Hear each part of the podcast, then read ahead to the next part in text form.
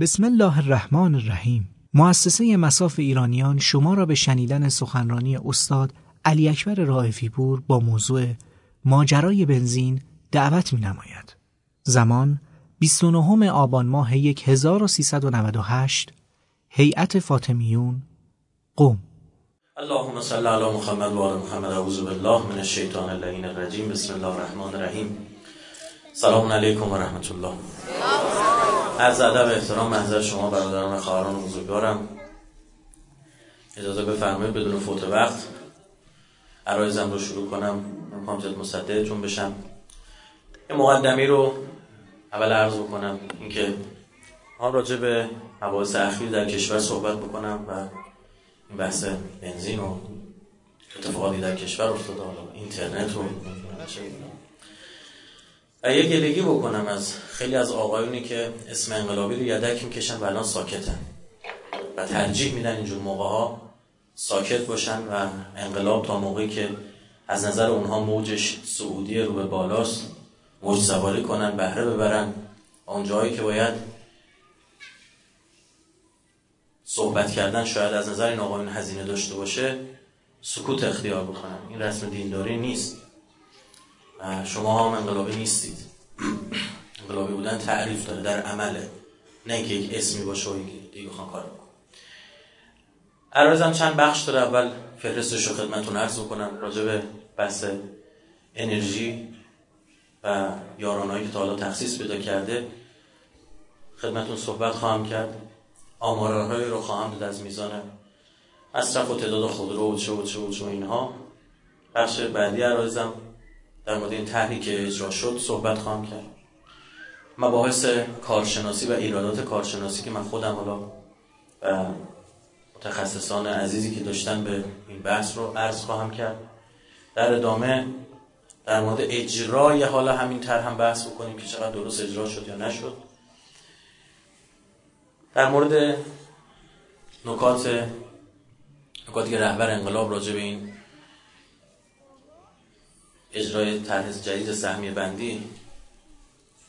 ایراد کردن صحبت بکنم تا خورده برخی خیلی برخی که نه خیلی سوال دارن. یعنی ما تو خیابون داریم میریم از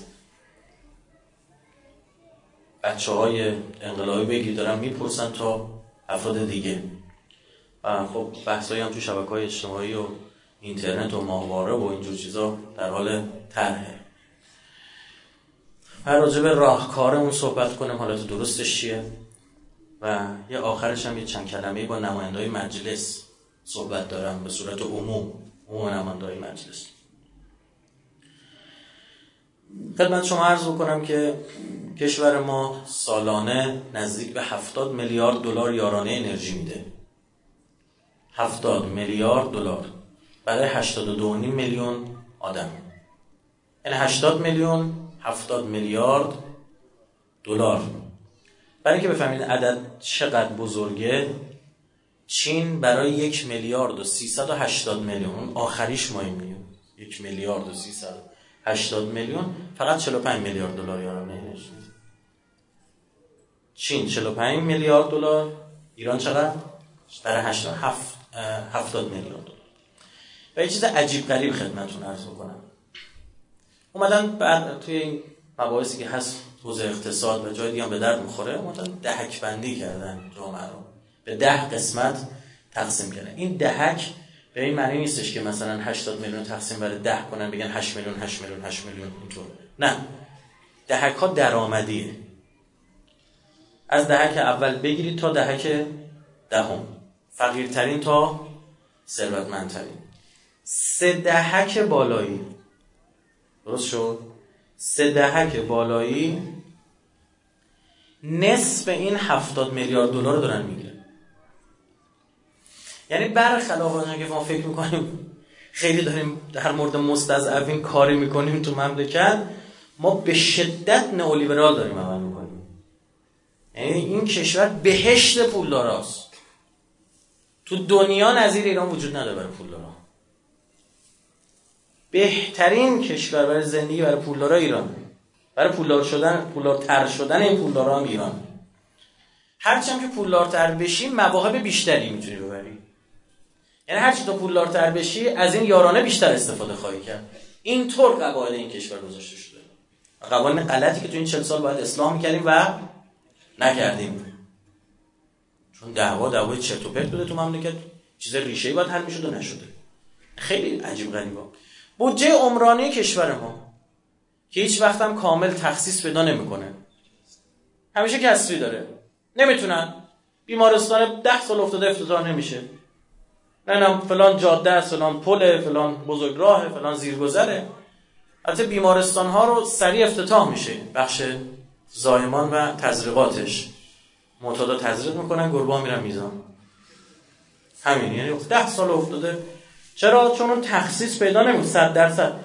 به فرضی که تخصیص پیدا کنه جهنم و ضرر. او گوش کنید شاید اینطور یه جا کسی کمتر پیدا بشه کسی رو نمیام هستن عزیزان را فرصت به ما رسید کمتر پیدا بشه اینجور جامع یه جا براتون مطلب بخواد توضیح بده.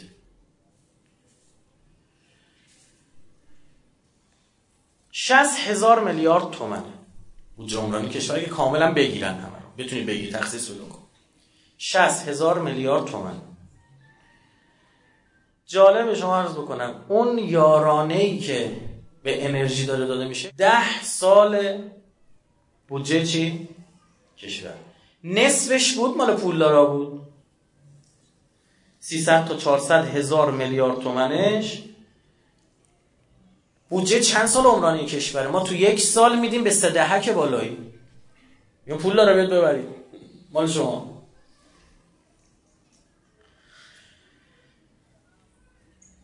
بودجه چهار سال پنج سال بودجه عمرانی کشور ما میدیم ببینیم.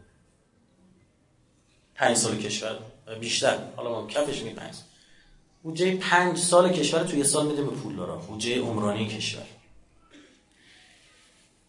جی دی پی ما حالا من اینم بگم سعی می‌کنم کاملا غیر آکادمیک صحبت بکنم یعنی اینکه عامه باشه قابل فهم باشه. یه جایش دیگه چاره نیست منتها خیلی نیست 5 درصدیش مجبوریم اصطلاحات استفاده کنیم فردا متهم میشیم که نه کوچه بازاری حرف زد. نه من دارم به لسان قوم حرف می‌زنم. جی دی پی ما 5300 دلار. یعنی اگه تن پر کپیتال بر سرمایه. خب یعنی چی؟ یعنی اگر کل درآمدهای پول داره و فقیره رو اینا رو همه رو حساب کنیم ضرب تقسیم بکنیم انگار هر نفر داره چقدر میاره تو سال؟ 5300 دلار. ضرب تقسیم بکنید به دلار مثلا 10 تومن 11 تومن 12 دلار دلار هر چقدر هست. میگه آقا سالی مثلا 50 60 میلیون اینا پول بهشون می‌رسه. حالا این چیه؟ اون کسی که مثلا سالی 10 میلیارد بودم هست اون کسی که مثلا 1 و 200 داره حقوق می‌گیره مثلا چه می‌دونم اینا رو حساب بکنید نمی‌دونم اینا. سرجم میانگین اینقدر می‌رسه. اما یه چیزی این وسط پنهانه که نه حساب نمی‌کنن. اینکه ما تو کشورم از این بخش انرژی به شدت بهره مندیم به خاطر هم خیلی لارج عمل می‌کنیم. یعنی مثلا هوا بخاری زیاد می‌کنیم هوا گرم میشه میگیم پنجره رو بکن. اینا رو عمرن شما تو کشور اروپایی چین اینجوری نمی‌دونم من که چین رفته بودم جالب شما اینا چهار پنج تا کنتور داشتن. یه کنتور آب گرم. یه کنتور آب سرد. یه کنتور آب خوراکی آبی که می‌شد خورد. آب عادیشون یعنی بری یه جای دنیا بگی اینا با همون آبی که می‌خورن میرن بله. سر و صورتشون رو میشورن. خب وضو می‌گیرن تعجب می‌کنن. یا کنتور آب فاضلا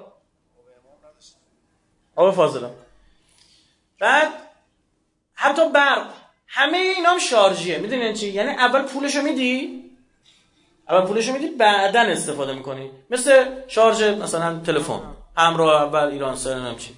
اول شارژ رو می‌خری اول پول رو میدی بعد آروما رو مصرف. یعنی شما مثلا آب گرم اول می‌خری آب سرد رو می‌خری برای یک ماهت بعد تو داری مصرف می‌کنی ممکن زیاد مصرف کنی سر روز 20 تموم شه.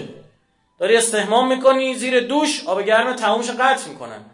اینجوری که تو آب گرم کن یه پکیج تو خونه داشته باشی. هر محله یه دونه داره با حساب می‌کنم یعنی تصور این که نه پنجره باز می‌کنم و نمیشه اصلا فکرشو نکنی. فکرشو نکن.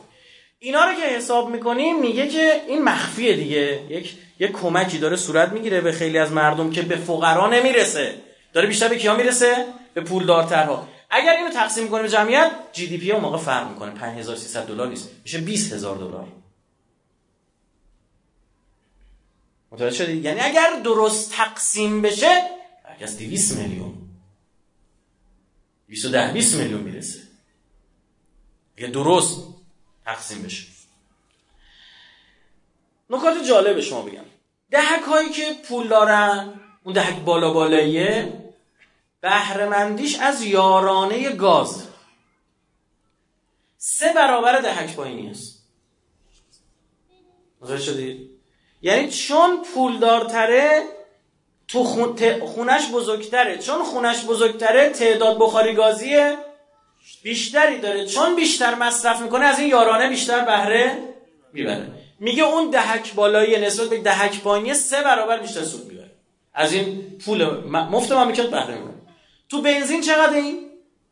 17 برابر. پولدارترینه نسبت به فقیرترینه 17 برابر بیشتر داره. یه ماشین داره خودش. یه ماشین داره برای زنش یه ماشین داره برای پسرش یه ماشین داره دختر یه ماشین داره 120 میسوزونه برای آفرودشه. برای بیرون رفتن کوه می‌خواد بره سالی ماهی یه بار براش یه پاترول خریده آفرودش کرده گذاشته. پاترول هم مثل لوله آفتابه داره بنزین می‌کشه. بکشه. یعنی چون پولدارتره مصرفش بیشتره چون مصرفش بیشتره داره از یارانه بیشتری بهره می‌بره. ببین چقدر اوضاع خرابه. کمترین گزارش ها با سختگیرانه ترین حالت میگن پولدارترینه نسبت به فقیرترینه. تو بنزین 11 برابر داره بیشتر به طور مالی می‌کشه. این باید اصلاح شه. الان یعنی شما موافق این نحوه؟ به هیچ وجه. من این نحوه کارشناسی رو قبول نداشتم. از 6 ماه یه سال قبلم سخنرانی کردم. سخنرانی تو اینترنت هست. این مدل قبول نشم حالا نقدش هم می‌کنم. یعنی شما می‌گفتین اینجا همینجوری گرون کنن همین 3 تومن نمی‌دونم فلان. نه من این مدل کارشناسی قبول نداشتم. دلایل هم بعد دیدم همین میشه.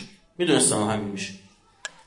اما آیا مثلا منظورش حالا حالا که شده چیکار کنه ما تو راهکارا میگم. حالا که این این مدلی انجام داده لاقل حالا اینجا درسته شد اونو عرض خواهم ما 17 میلیون خودرو شخصی داریم. 17 میلیون ماشین ملت دارن. مثلا شما داری که همسر داره دایی داره خالت داره. بعضی دو تا دارن ها؟ 8 میلیون موتورسیکلت داریم. 8 میلیون موتور داریم. 500 هزار تا تاکسی رنگی داریم. زرد سبز.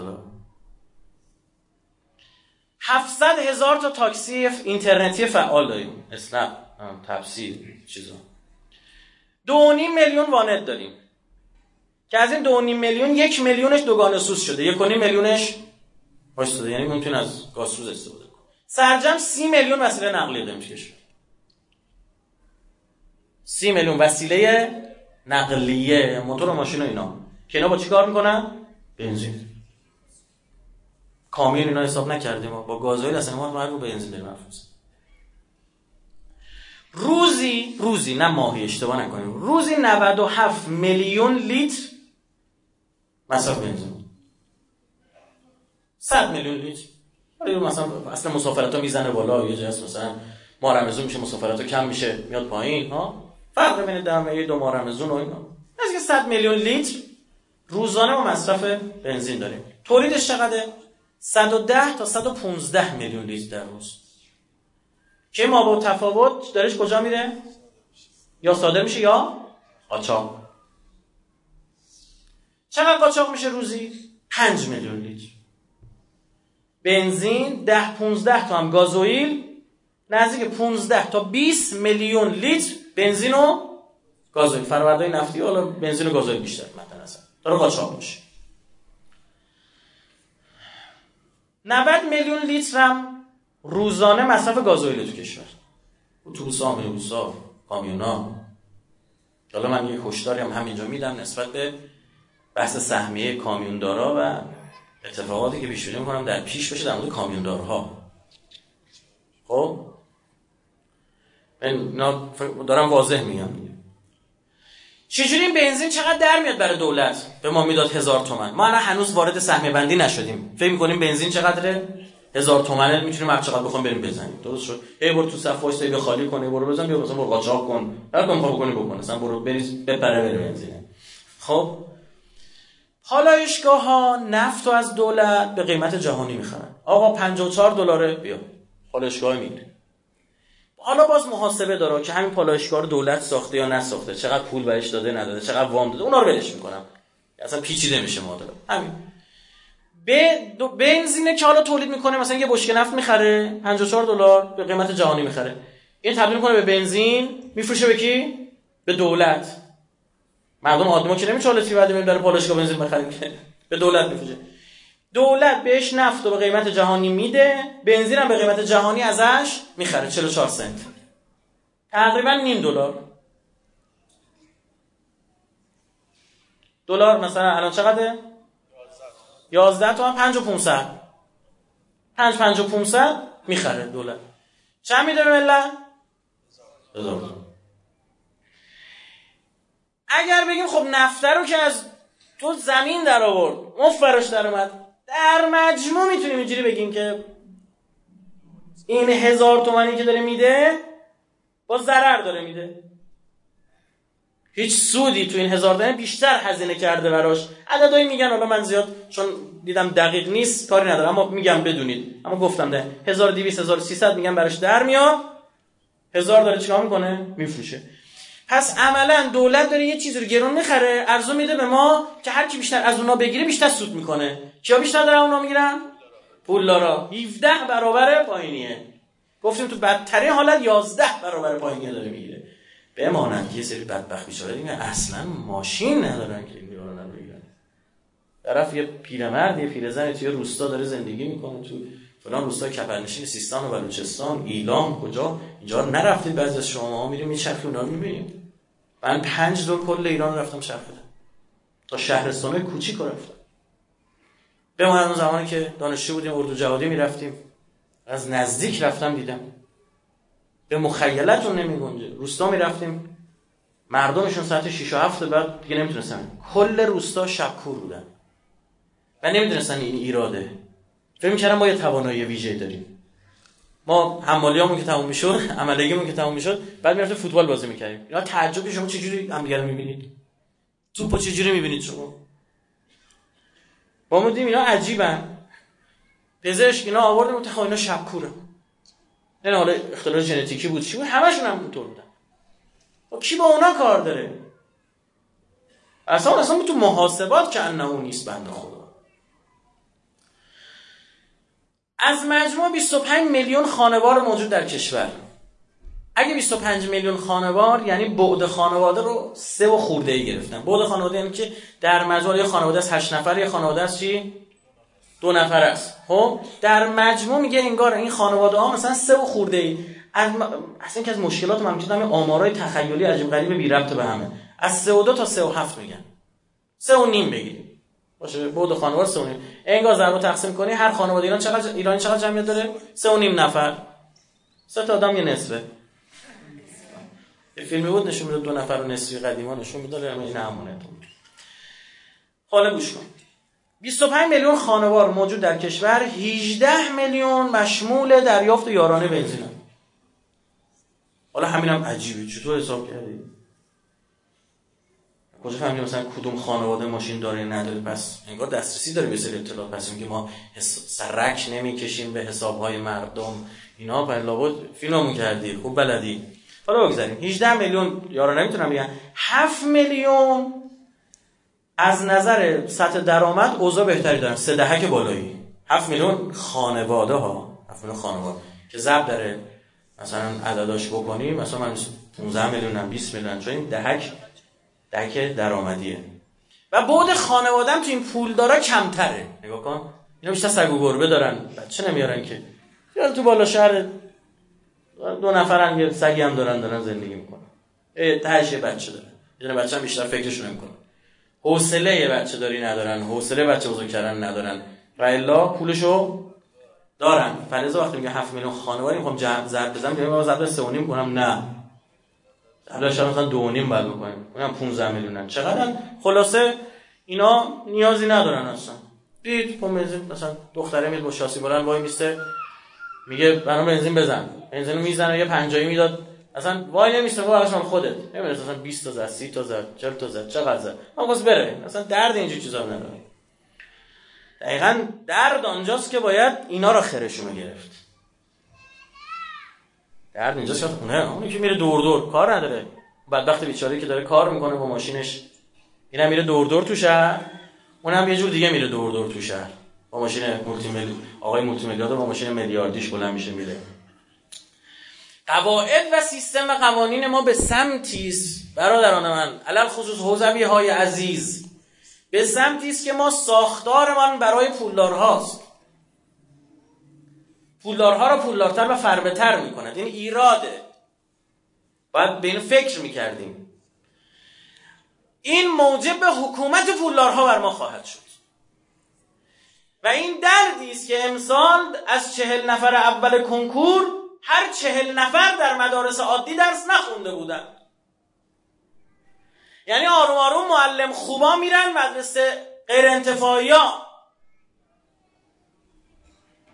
اون نخبه ای که تو ته دهاته نه مدرسه غیر انتفاعی دم دستشه نه باشه پولشو داره 17 میلیون 18 میلیون پول ترمشو بده بره.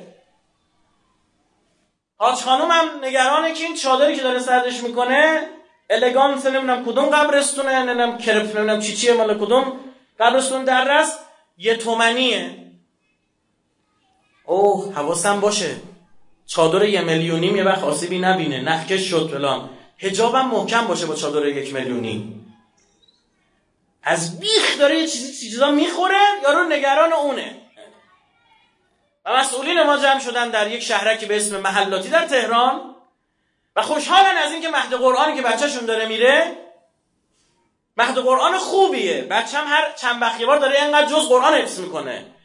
آخه میرم مدرسه مسجد امام خمینی مسجد امام خاتم مسجد امام چی. الحمدلله تابیخ در جمعیته. با همه سرداری بازنشسته رفتن اونجا خب من نموندم میرم خیلی خوبه اوضاع شهرک ما چی هر دو سه سال یه بار یه دزدی ممکنه باشه. متدینین رو ببین. متدینینه. کنار کشیده از جامعه و مردم. خطر جامعه است. فاصله گرفته از مردم میگه مردم یه جوری شدن. مردم چه جوری شدن؟ همین که میگه مردم یه جوری شدن یعنی تو دیگه مردم نمی‌دونی خودت رو. حساب اینا دغدغه دارید. می‌دونید اگر پولدار پولدارتر شد و پولدار آرام آرام قدرت رو به دست گرفت وزیر شد سفیر شد وکیل شد رئیس جمهور شد نماینده مجلس شد چه اتفاقی میفته؟ اون موقع اون آقای پولدار برای خودش قوانین و بخشنامه وضع می‌کنه. که هی پولدارتر بشه و این فقیر و مستضعف هر روز بدبختتر و بیچاره تر و حکومت و نظام میشه حکومت و نظام سرمایه‌داران. و لذا, آرام آرام اینا انان مردم رو به دست می‌گیرن آموزششون رو به دست می‌گیرن رسانهشون رو به دست می‌گیرن. مگر نبود فلان فاسد اقتصادی که تو همین اخیرا تو این چند ماه باش برخورد شد؟ کانال تلگرامی دو میلیون فالووری داشت. بعد اون موقع تو آنطور که او بخواهد فکر می‌کنی اگر امیر المؤمنینی هم بر تو حاکم بشود سه جنگ بر او تحمیل می‌کنی. اسلحه را توی مستضعف هم دست می‌گیری. چرا؟ چون او تو را میشوراند. که علی برای ما خطرناک است. حالا امیر که آمده مساوی تقسیم کنه. در جامعه این که جناب آقای زبیر 59 میلیون درهم فقط پول نقد داره؟ طبقات ابن سعد بخونی سعی بخاری بخونی. فقط پول نقدش 59 میلیون درهم بوده. 24 تن طلا فقط پول نقد تو خونش آیا فهم اینو دارم من برگردم تو تاریخ بگم زبیر سلطان سکه بوده؟ نه. و حالا من بفهمم دلایل شگیری جمل ریشه در جای دیگه داره. چرا؟ چون علی آمده است مساوی تقسیم کند. خب حالا مردم باید شروع چیکار کنیم؟ برو زن پیغمبر بیار. برو علی فلان کارو کرد علی به همان کارو کرد. یه عبارت عجیبی هست وقتی ابو عبدالله می‌رسه به سپاه هر عبارت عبارت عجیبی اینا تکان دهنده است. دینداری ما چی فهمیدیم؟ ما هندسه دینمون فهم دینمون مشکل داره. ما چسبیدیم به احکام. یه طرف دیگر رو ول کردیم. حواسمون فقط به این بود که حالا شرعی داره می‌خوره یا نه. اگه گوشت خوب داره می‌خوره ذبح شرعی داره میشه یا نه؟ خیلی از اتفاقات که از بیخ و بنیان مشکل داشت شرعیزه شد. تله رو بریم چی می‌رسن اهل سنت. میگه تله های تو خونش ورقه های طلا بود. اومدیم تقسیم بکنیم بین وراسش دو تا کارگر قوی هیکل برده قوی هیکل آوردیم گفتیم بشکنید رو تنه درخت. آخر سر نگاه کردیم دستاشو تاول زده. او دست سوسول مامانی من و شما هم نبوده کارگر بوده یعنی عادت داشته. انقدر که زد چی بوده؟ برای طلا. میگه 300 نفر شطور هزار رأس اسب شطور شاسی بلند اسب اسیووی چی سدان. ایناست دیگه. میگه هزار تا. کنیز. والله مصب هزار تا کنیز هر جوری حساب می‌کنی نمیشه. میگه چیکار می‌کردم؟ می‌گفت اینا با خودشون گفتن ما یه سر ممکنه بریم شام برگردیم تو راه اینا رو بچینیم. این عبارت گوش کنید. ابو عبدالله رسید. فرمود شما چیتونه چرا اینجوری؟ عبارت گوش کنید. خفنا طرح ترسیدیم یارانه همون قچ طرح عطا طرحی بود که از زمان خلیفه دوم تو فیش حقوقی مردم بود. گو ابن زیاد گفت طرح عطا رو قطع می‌کنم. این بند از فیش حقوقی رو فردا میدم بررسی بکنم شرکتی که یارانه رو واریز می‌کنه. کیا رفتن؟ دکمه رو بزن. بسته حمایتی قطع. هر کی بخواد بره سراغ حسین. پس میگه چه شد؟ جامعه پیامبر اینطور شد؟ میگم اینا از بیخ و بنیان داشت موریانوار پیش می‌برد اونجا نمیپایدن. یعنی پول داره پول دارتر بشه بله بله شما میشتن که نماینده مجلس تو تلویزیون میگه پنج تا از وزرای دولت بالای هزار میلیارد تومن ثروت داره. شما اصلا می‌تونی با اون وزیر در بیفتی؟ فردا دو هزار تا رسانه ای سرت می‌کنه با صد هزار تومن برات خبر کار می‌کنن تو خبرگزاری با صد هزار تومن پول میده 20 تا خبرنگار هر جا میره با 60 تا دوربین دنبالش بدوان کسی کوچکترین حرفی علیهش بزنه 200 تا کانال تلگرامی طرفو با خاک یکسان می‌کنن. پول میده براش توییت بزنن. توییت یه قیمت داشته باشه ریتوییت یه قیمت داشته باشه. این میشه. و آرام آرام رسانه ها به واسطه این, آقای به واسطه رسانه ها حاکم میشن بر ذهن مردم. بعد بگید به مردم توی مملکتی که دموکراسی حاکمه چطور رأی میدن؟ چطور فکر می‌کنن؟ چطور فکر می‌کنن؟ رسانه چی گفته؟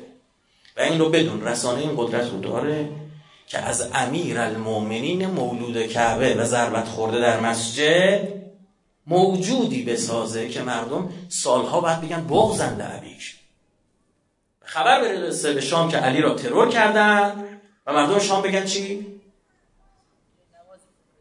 کجا؟ مسجد مسجد چی کار داشته؟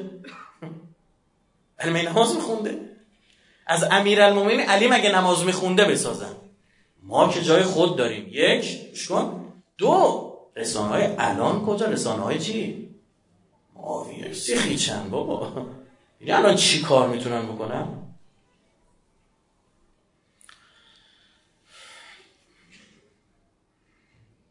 یه مثال برات بزنم. یه اسنپی تو روز چقدر کار میکن ماه در ماه باشه سه تومن سه تومن چهار تومن مثلا. بستگی به شهرش داره. تهران متوسط چهار تومن کار چقدر بنزین می‌زنه؟ پرایدم لحاظ می‌کنیم. درست شد؟ یه اسنپی که پراید داره. میگه که آقا سی تا لیتر سی لیتر 20 لیتر تا لیتر بنزین می‌زنه. 25 تا. وسطشون. 25 تا هزار تومن 25 هزار تومن. تو ما میشه چقدر؟ 750 درست شد. 750 هزار تومان ای داره پول میده برای بنزینش. این بنزینه دولت اگه این نمی‌برد بسوزونه با فوق خلیج فارس 5 و 500 می‌برد میفروخت.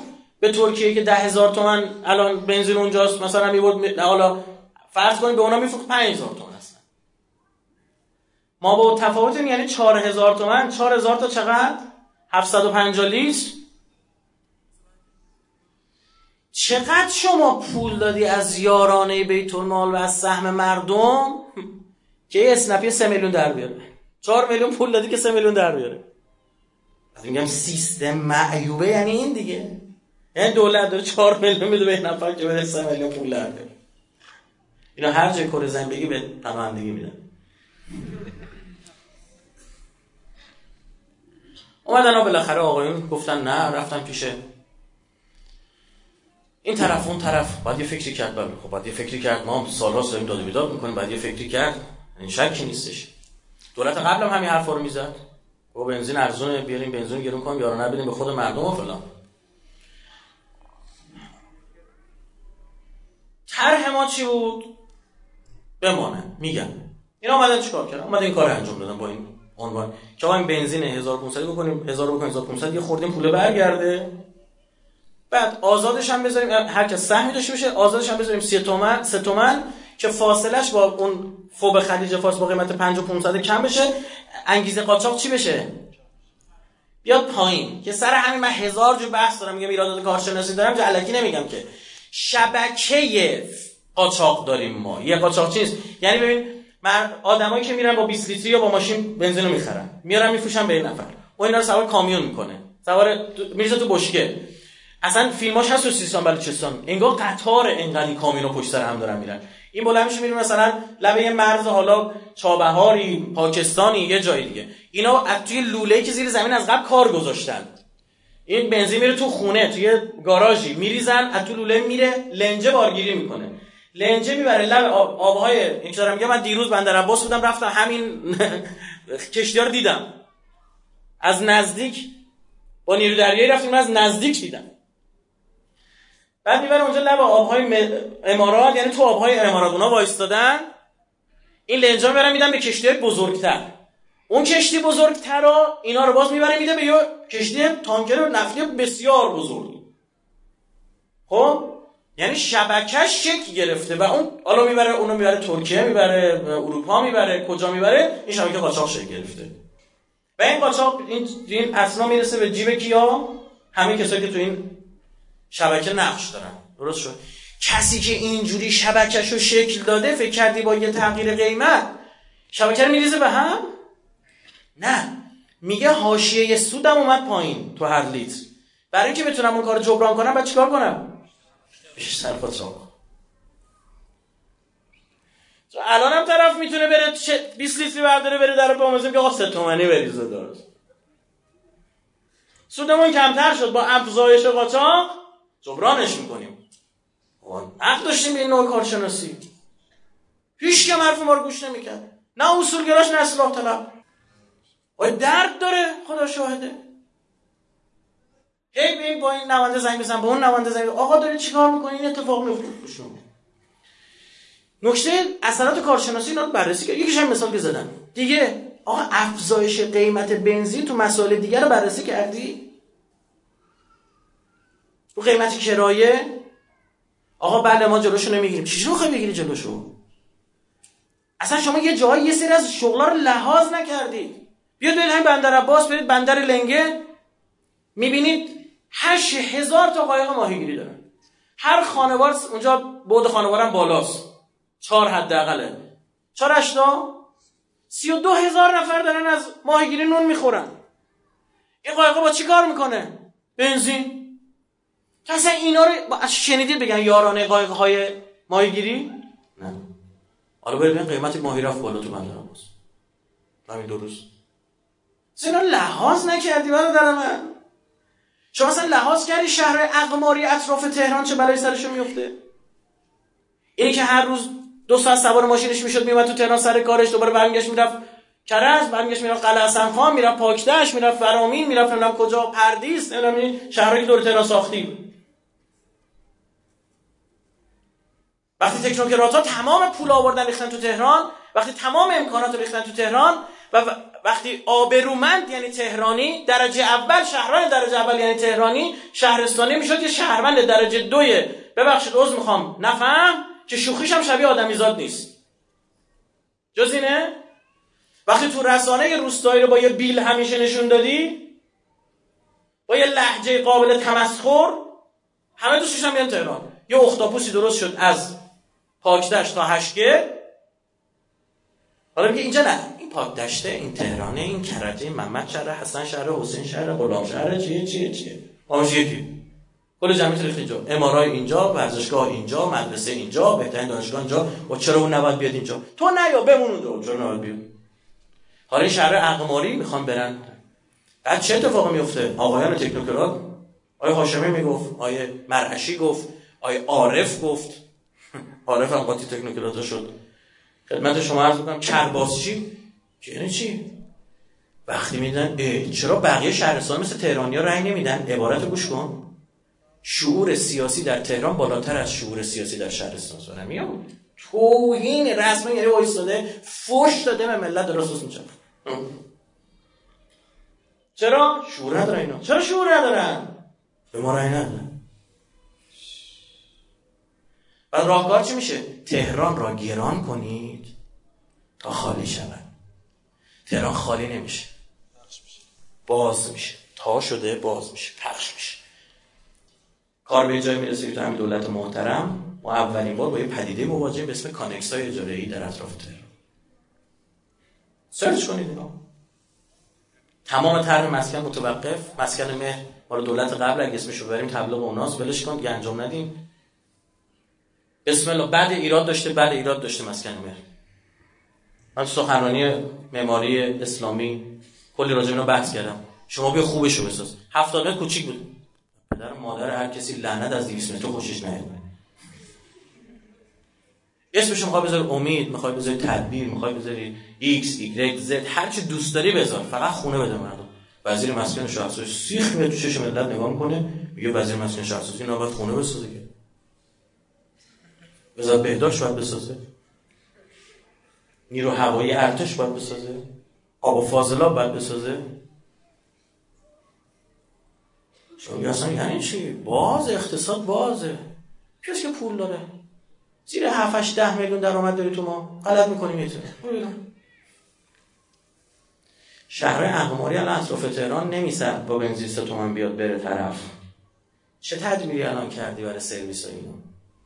یکی از ایرادات اتفاقات اشتباه و ایرادات دولت احمدی نژاد این بود که سرویس های ادارات حذف کرد.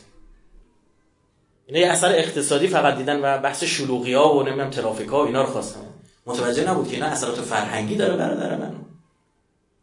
طرف دو ساعت تو راه صبح بلند شه بیاد. یعنی اگه مثلا ساعت هفت می‌خواد سر کارش باشه ساعت پنج بعد از کرج راه بیفته بیاد. اون سر صبح دیدید دیگه چه ازدهام باور نکردنی عجیبه برسه سر کار. پس این به خاطر اینکه هفت سر کار باشه باید پنج بیداش بعد چهار بعد از ظهر می‌خواد بره. چهار بعد از ظهر باز بشینه پشت رول.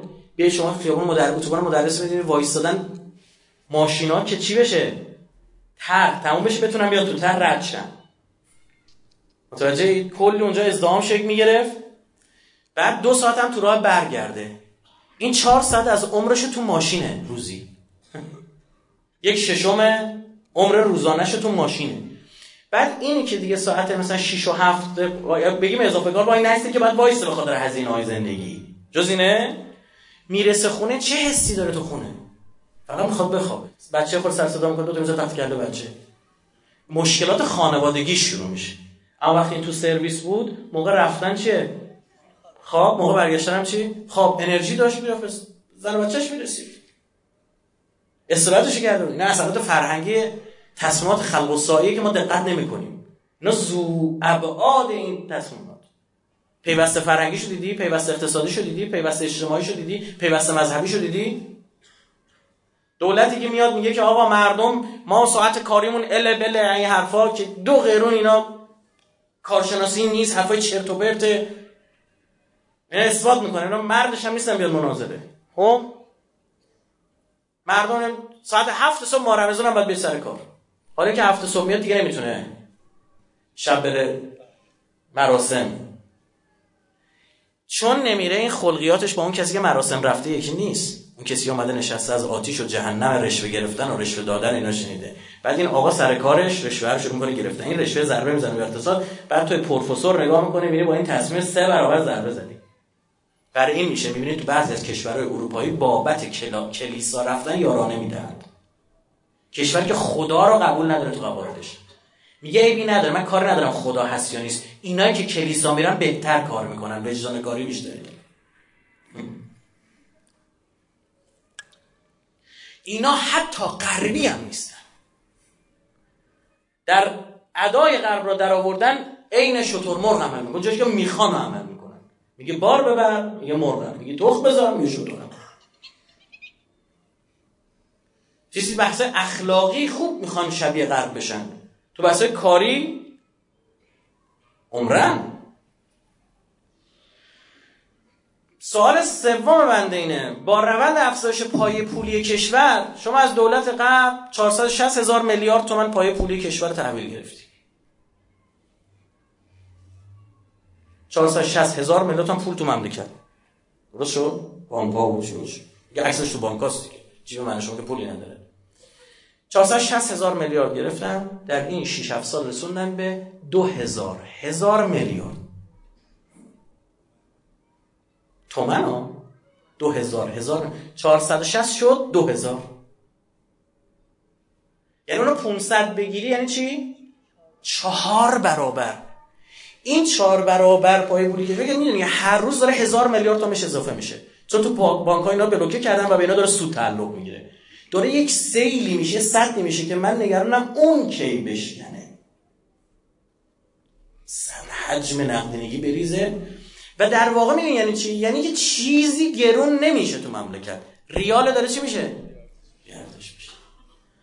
شما که روند تو هنوز هیچ تغییری ندادی همون پای پولی کشور هی داره اضافه میشه می‌دونی یعنی چی؟ یعنی دو سال دیگه باز دوباره سه تومن بنزین یعنی خیلی ارزون نسبت به کشورهای دیگه. و باز هم چی؟ آجا به همین بهانه این کارو کردی. شما ارزش پول ملی ما دیدیم که بچه هیئتی هستید مردم میرین این طرف اون تو هیئتی نیستید خارج مارج رفتید. آنتالیا جایی نمی‌دونم. خب دیدی که ها امسال می‌رفتی عراق؟ دیگه هیچی نمی‌تونستی بخری. می‌بینی خیلی گرون شده. بعد بر عراقی میصرفه بیان اینجا خرید کنن. برای همین مسافر عراقی میشه. کسی ارزش پول ملی کشورشو میاره پایین کشورش رو دعوت می‌کنه به کارگر کشورهای دیگر شدن و بیگاری رفتن برای کشورهای دیگه تن چه تضمینی داره؟ دوباره دو سال دیگه باز می‌خوای یه شوک چیز؟ به هر دفعه آقا چند بار باید کشور هزینه بده؟ مورد چهارم در سال 1392 جناب آقای بیژن زنگنه شد وزیر نفت. خیلی هم عجیب بر من ایشون انتخاب شد. و خیلی از عزیزانی که موقع رفتن در دفاع از ایشون صحبت کردن با اون پرونده خاصی که ایشون داشت و بحثایی که مطرح بود بعد اون دونه حتما جواب بدن حتما. چرا؟ به خاطر بی تدبیری های ایشون. کجا؟ ایشون بدون هیچ دلیل قانع کننده کارت سوخت و حذف و دوباره بعد 6 سال کارت سوخت رو بگی چی؟ اگه بد بود چرا آورد اگه خوب بود چرا؟ حذف کرد. چقدر هزینه گذاشتم من یه آماری به شما بدم. ببینید ترازنامه هیدروکربوری نه کربونی کربوری وزارت نفت 80 من از اونجا 86 کارت سوخت میاد. یادتونه؟ 87 دو نرخه شد بنزین. 400 هزار. 89 هدفمندی اومد. هدفمندی یارانه ها شد 400 700 یاران سهمیه 400 آزادش چقدر بود؟ 93 شد 700 هزار. دیگه دولت های روحانی اومده. 90 شد 700 هزار. 94 هم روحانی اومد گفتش که یعنی چی؟ این چه حرفیه؟ بنزین دو نرخی چیه؟ این موجب فساد میشه. کلا کرد هزار؟ هزار. حالا من موندم اگه موجب فساد میشه الان چرا دوباره بنزین دو نرخی؟ اینا پارادوکس ها. من حق میگم. همین الان دیدید انتقاد کردم به دولت قبل اون سیاستی که برای چی؟ سرویس ها اتخاذ کرد. من نه فامیل احمدی نژادم الحمدلله نه فامیل روحانی علا برکت الله. خب؟ نه سری با سر و سری با اصولگراها دارم نه با اصلاح طلبا بالای توییتر هم نوشتم یک انقلابی بیزار از چپ و راست. ما انقلابی می‌فهمیم. چپ و راست دیگه یعنی چی؟ انقلابی هم گفتم تعریف کردم یعنی چی؟ دعوا کردم با خیلی تعریف خودم رو گفتم. گفتم بیاید نقد کنید. همش هم برگرفته از سقلین و امام سیره سیره و روش و منش امامین انقلاب. یعنی چپ و راست حالا مثلا لاریجانی اصولگرا اسلام. خب الان ارتباطشون دوستیشون با دولت که خیلی با اصلاح طلب خیلی آشنایی چه تو اصول گرایی من نمی‌دونم. منظورتون چیه از این اصول گرای اصلاح طلب؟ پس بگیم انقلابی غیر انقلابی. قول عزیزی معاون پارلمانی دولت. خب؟ بگیم انقلابی غیر انقلابی بگیم الان که دیدین دو قطبی هم نیه انقلابی غیر انقلابی نیست. الان وطن دوست وطن فروشه یارو سلطنت تل... از عاشقان هخامنشیان و نمی‌دونم چی اصلا دین قبول نداره اهل بیت قبول نداره. نگران تجزیه کشور داره حمله می‌کنه به کسایی که چی؟ به فکر تجزیه ایران و دارن کارایی می‌کنن. دارم دارم داره جیگرش میسوزه. میگه بابا هیچی که دین ما میگه دین که نداریم. وطنمون. میگه وطنشه. دفاع می‌کنه از حضور ما در عراق و سوریه. میگن که جلوی اینا رو نگیریم اونجا باید تو مملکتمون بجنگیم. ما رفتیم تو عراق و سوریه به خاطر خدا. بوسنی هم رفتیم کمک کردیم. بوسنی که دیگه اونجا کسی نمی‌خواست بیاد با ما بجنگه که.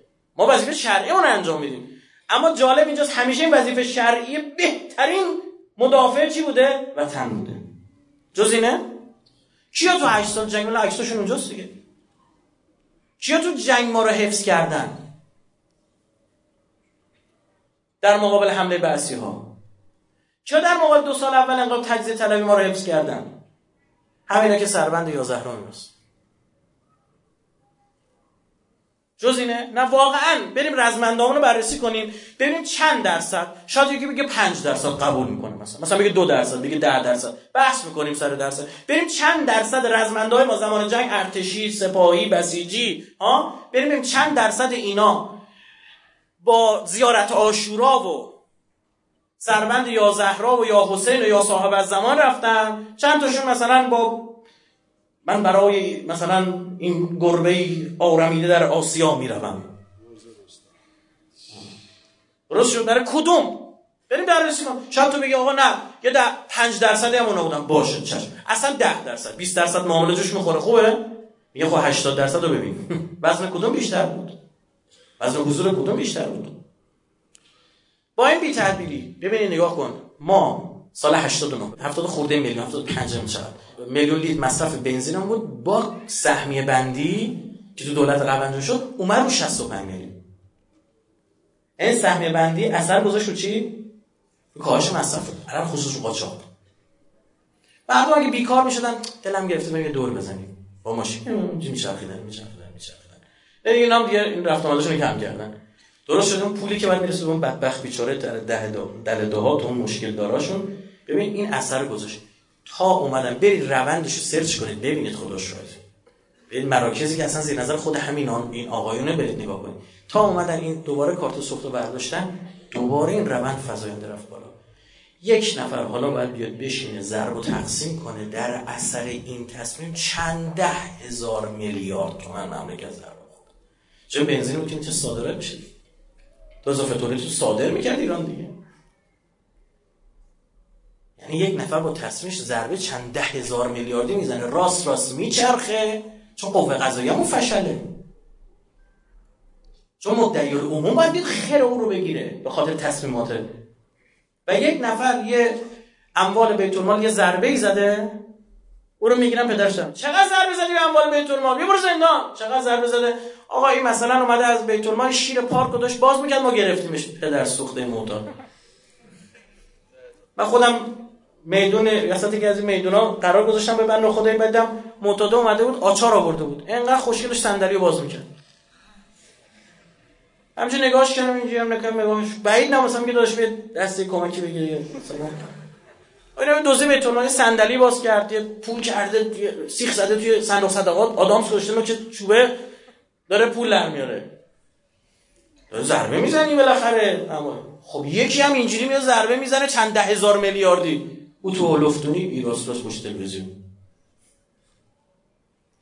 یعنی می‌دونی حکایت ما چیه؟ حکایت ما اینه که ما با آبکش داریم آب می‌بریم. بعد تشیه لیوان میمونه. آب می‌رسه همه آقایی لیوان چیه فلان برهمان اینطور.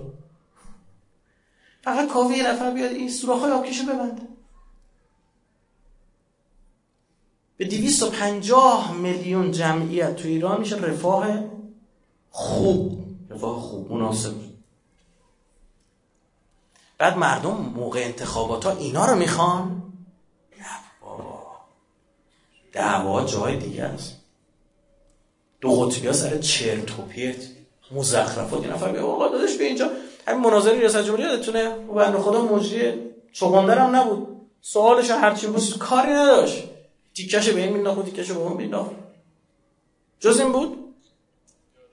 کنتور مینداخت مثلا آقا من یه میلیون شاخ تولید می‌کنم. ای بابا من یک و دیویست داشت مجرم یک و دیویست یک یک و دیویست دو یک و دیویست سه آقا یک و سی سن چیکار داری می‌کنی؟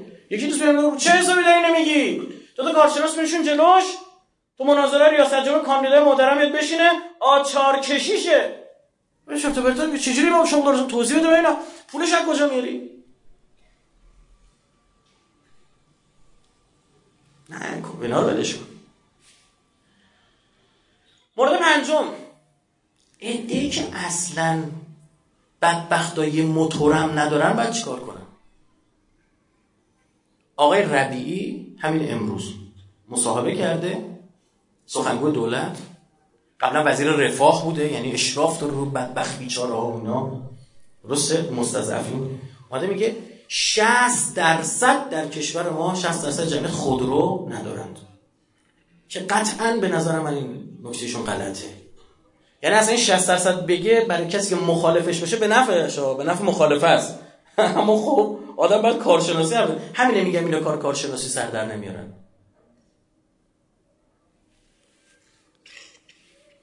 هفتاد تا هشتاد درصد جمعیت خودرو دارن. تنها حالتی که پیش ایشون مثلا بچه های یه ساله و اینا رو هم حساب کرده. اینطور عیبی نداره. مشکلی نیست بحثی نیستش. خب سوال. اگر به فرض همین که شما میفرمایید درست باشه. 60 درصد جمعیت بگید خودرو؟ تو داری یارانه میدی به چی؟ به خودرو. یعنی به اینا یارانه نرسه. به اینا آدم حالا باز جالبه. کسی که ماشین نداره با کسی که با ماشین کار ندارم یکیه. مردم شاید ماشین نداشته با ماشین کار دارن سفر تاکسی میشن. این طرف میرن اون طرف میرن نه عجیب. نکته ششم قیمت بنزین تو این سالا باید ریز ریز می‌رفت بالا که یهویی تو از هزار نهی بشه سه اگه هر سال مردم عادت داشتن و هر سال 200 تومن 300 تومن چیه؟ تو بنزین. اینجوری شوکه نمی‌شدن. نکته هفتم. الان آقای دکتر زنگنه میفرمان که 64 میلیون لیتر رو با 1500 قرار بدیم به مردم. سهمیه بدیم بقیهش میشه چی؟ 3 تومن. تا هر چقدر مردم 3 تومن خریدن که خریدن. نیستم تهشمون 5 تومن میدیم به خارجی ها درست شد؟ حالا که من گفتم با اون بحث قاچاق که اصلا یک قرار نمی‌ذارم بدید به خارجی ها یعنی برسه به صادرات. همه قاچاق میشه. آی دکتر نوبخت. آی دکتر نوبخت. ایشون میگه سالی 31 هزار میلیارد تومان از این تر پول می‌رسه که همه رو می‌خوایم بدیم به چی؟ ما نمی‌خوام کسری بودجه با این جبران کنیم. می‌خوام بدیم به خود مردم فقرا بدم حالا یه نکته اینجا بگم. 31 هزار میلیارد تومان کل این تر تو یه سال می‌خواسته داشته باشه. تو این چند روز تو این سه چهار روز 20 هزار میلیارد تومان اموال بیت المال و تو این اختشاشات تو این شورشات بین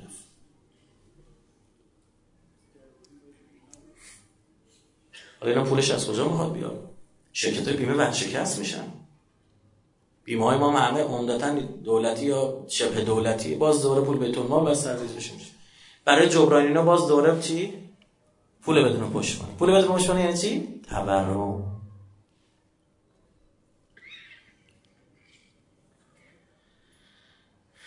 ایرادات این جل کار کارشناسیش. نظر کار ایده کارشناسی شما چی بود از سال گذشته؟ ما گفتیم آقا جون ما 100 میلیون لیتر تولید بنزین. 110 هم نه 115 هم نه. 100 میلیون. باشه؟ 100 میلیون لیتر رو در ماه میشه 3 میلیارد لیتر 100 در 30 دیگه. خیلی ساده است. ببینید. شما مگه 40 هزار تومان به مردم 44 هزار تومان مگه به مردم یارانه نمی‌دادید به جای 44 هزار تومنش میبادی به چی؟ 40 لیتر بنزین می‌دادی از این بعد یعنی بنزین می‌خواست بره تو بمب بنزین که پول نمی‌داد. این مال خودمه. درست شد. این مرحله یک انجام شد یعنی شما دیگه به جای پول بدی چی می‌دادی؟ با این کار تو بنزین را به کسی هم که ماشین ندارد می‌دادی. حالا این ماشین نداشت. به چه دردش میخور میفروخت. اصلا می‌رفت قاچاق می‌کرد. نوش جونش دیگه. اسمش قاچاق نمیشه. میشه صادرات. ازش درآمد داره. اون موقع خارجی بهش بیا ازش بخره بازار خودشو تعدیل می‌کنه. چی میگه؟ بیا من لیتر دو تومن بهت میفروشم. لیتر سه تومن بهت میفروشم. بعدش قیمت با بنزین رو چیکار می‌کردی؟ حقیقی می‌کردی. یه خانواده چهار نفره که 160 لیتر داشت بنزین می‌گرفت و 160 هزار تومن در واقع داشت بابت این 160 لیتر بنزین هزار تومن یارانه می‌گرفت. وقتی بنزین اصلا می‌شد فرزند دیدی 5 تومن یعنی 5 ضرب در 160 هزار تومن 5 تا 30 تا اونم 5 تا 800 هزار تومن یارانه می‌گرفت. یه همچی خداش هم بود هر روز بنز قیمت بنزین چی بشه؟ بره بالاتر؟ بعد اون پول داره باید میومد از این آقا بنزین رو می‌خرید برای اینکه بتونه برای ماشین آفرودیش بنزین بزنه. بخر لیتری 5 تومن و پول می‌رفت تو جیب کی؟ اون کسی که ماشین هم نداشت تو تازه شما با این کار 40 هزار میلیارد تومنی که هر سال دارید یارانه می‌دید. همین 44 خورده ای میشه 40 هزار. دیگه هم لازم نبود بدید. مگه نمیگه از این تر 31 هزار میلیارد می‌خواد گیرم بیاد؟ او اون تر 40 هزار میلیارد گیرت میومد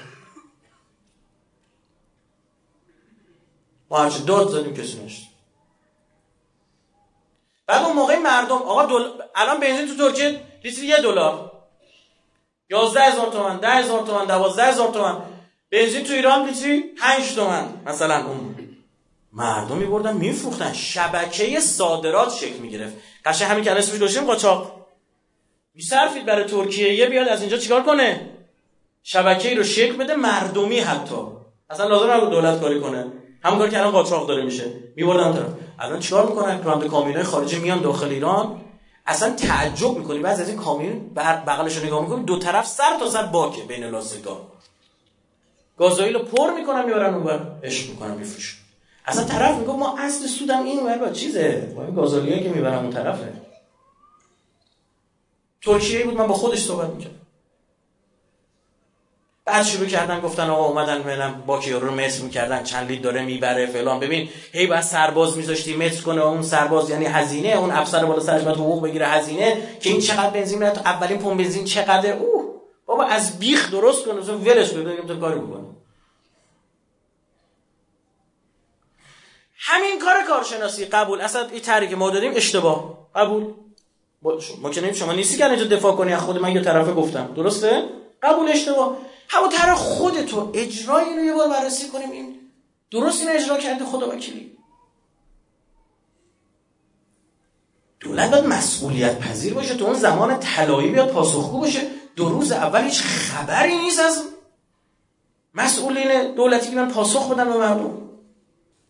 بعد آقانه کرد مردم رو.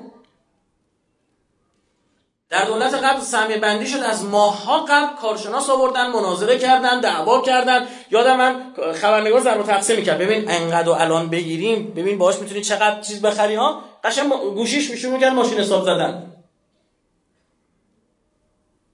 اون هیچ هیچ خبری نبود متاسفانه. شما باید نخبه ها رو آماده بکنی. نخبه های جامعه مرجع مردمن. مردم اینا رجوع می‌کنن اطلاعات بگیرن طرف هیچ خبر نداره. خود آقای نخبه شوکه شده. طرف می‌گفت رفتم با بنزین سر صبح بنزین بزنم. بنزین زدم سی لیتر. اومدم کارت بکشم. تو این عددا دنبال سی میگشتم. هر چی شدم نیست. گفتم آقا این پیدا نمی‌کنم. گفت کدومی گفتم گفت بزن میگه 90 آقا کل باک من 50 تا چی 90 گفت خوابی همو بنزین شده لیتری 3 تومن. تو هم آزاد زدی کارت نداشتی که. نخبه جامعه به تحت و بالای مملکت داشت خوش می‌داد.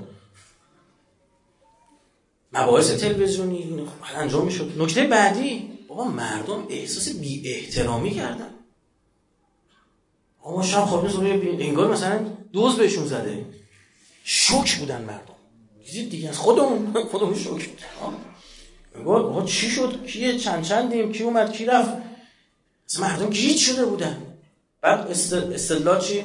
چون قبلا ما می‌گفتیم از شبش می‌رفتن تو صفای پمپ بنزین ما می‌خواستیم می‌دونی همین رجوع پمپ بنزین به پمپ بنزین برخی از مردم یعنی مشروعیت دادن و پذیرفتن اون قیمت. یعنی حتی همینم شما مسئله رسانه‌ای هم ظاهرا خوب متوجه نبود. وقتی طرف میره پمپ بنزین بنزین بزنی آقا یعنی من قبول کردم من فردا می‌خواد بشه تومن خب حالا نگفتید. حالا این بیشتر بر مردم سر داشت مدلی که نم آتیش بکشن همه جا رو. یا اون مدلی؟ از هر مسئولی پرسه آقا بنزین می‌خواد گرون شه. نخه تا دوازده ساعت قبلش خبرگزاری حامی دولت تکذیب کرده. دوازده ساعت قبلش. هی مسئول ما اومده آ خیالشون راحت بشه اینا شا اینایی که توییت می‌زنن الان بلن فلان. قیمت بنزین میگن.